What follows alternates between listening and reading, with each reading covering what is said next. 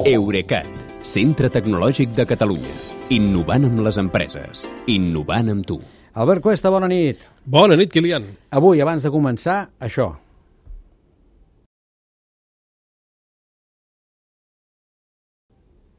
Bé, això que, que fins i tot molesta una miqueta, això que sona és el que sentiran dimarts que ve a mitja tarda tots els ciutadans que tinguin encès el telèfon mòbil de la zona de Tarragona a l'hora d'això que dèiem, del simulacre. Clar, diríem que el so exacte dependrà de cada mòbil, potser, Albert? Sí, però si fa no, si fa, no fa sonarà així. En tot ja. cas, és un so eh, estrident que és completament diferent d'una notificació normal i està pensat perquè agafis el telèfon i miris la pantalla, que és on hi haurà t'haurà sortit el missatge que t'explica quina és l'emergència i et diu què és el que has de fer. Això, aquests avisos d'emergència són diferents d'un missatge SMS o d'un WhatsApp? Per què no es poden fer servir aquests sistemes que són els que la gent fa servir habitualment? Doncs perquè precisament no són una bona solució per les comunicacions d'emergència.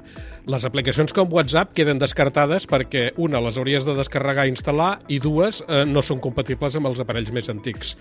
Els SMS sí que ho són, però estan basats en el número de, tel de telèfon mòbil del destinatari i una, t'hauria de donar permís perquè l'enviessis, dues, s'hauria de donar d'alta, i tres, no estan pensats per difusió massiva de missatges en una zona determinada, i encara menys en un període de temps molt breu, que és el que cal. En canvi, el sistema d'aquestes alertes que es diu Cell Broadcast les pot fer arribar en menys de 5 minuts al 97% de la població de la zona afectada i no a la de més enllà, això per evitar que el pànic es propagui. Ja.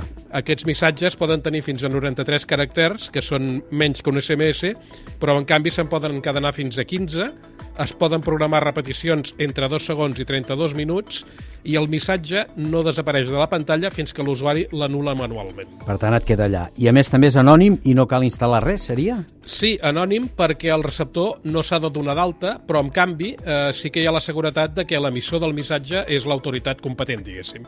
I per altra banda, com que el reben tots els telèfons de la zona, també els arriba als ciutadans d'altres països que hi siguin en aquell moment que tinguin cobertura. I això és un aspecte eh, molt important en un país turístic com el nostre. Eh, per cert, eh, sistema d'alertes que també existeix en altres països, ja que ho dius? I tant. Uh, de fet, el Cell Broadcast es va crear l'any 2006, just després del tsunami aquell de l'oceà Índic i de que l'huracà Katrina passés pel sud dels Estats Units. I per això els, els primers llocs on es va implantar van ser, van ser aquests. A Europa, els pioners van ser els holandesos, però ara fa 4 anys que la Comissió Europea va dir que tots els estats membres havien de tenir un sistema com aquest abans del 21 de juny d'aquest any. Espanya va licitar el desplegament a començaments d'octubre de l'any passat i assegura que va complir el termini, però el fet és que les proves no han començat fins aquesta setmana. Aquest contracte se'l va endur la filial de ciberseguretat d'Indra i està valorat amb 3,3 milions d'euros, que també et dic que no sé gaire què corresponen perquè la feina, de veritat, qui la fa són les operadores. Però sigui com sigui, aquests diners estan pagats en fons europeus. Una altra perspectiva d'això, sempre que vam anar parant, anant a parar allà. Eh, Ara com Sí. ara, les alertes només les pot activar Protecció Civil del Govern de l'Estat, eh, de l'Estat espanyol. Però el conseller Helena diu que treballen perquè ho pugui fer també la Generalitat. Això diu, sí. creus que arribarà a passar? Eh, a veure, tècnicament no hi hauria d'haver problema per afegir, diguem, botons vermells d'abast regional, però jo políticament dubto que es faci, perquè aquí del que es tracta és de definir qui té autoritat en cada cas per declarar si una cosa és emergència o no. Però recordem que fa pocs mesos s'ha començat a recentralitzar la gestió dels bombers. Per tant, a mi m'estranyaria que ara el Ministeri cedís precisament aquesta competència a la Conselleria.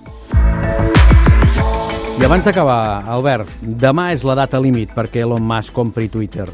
Alguna cosa?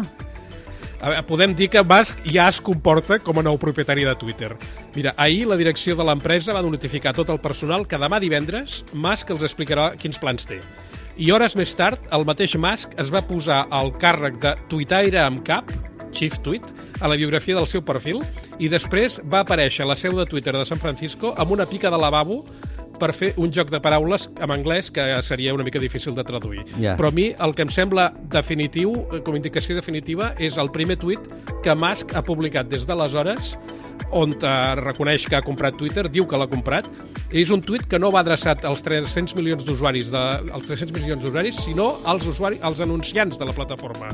Allà, amb el text, els assegura que vol que Twitter els continuï fent servei, cosa que alguns dubtaven, i també diu que ha comprat Twitter pel futur de la civilització. Home, doncs bastant alta la pretensió, eh? força alta.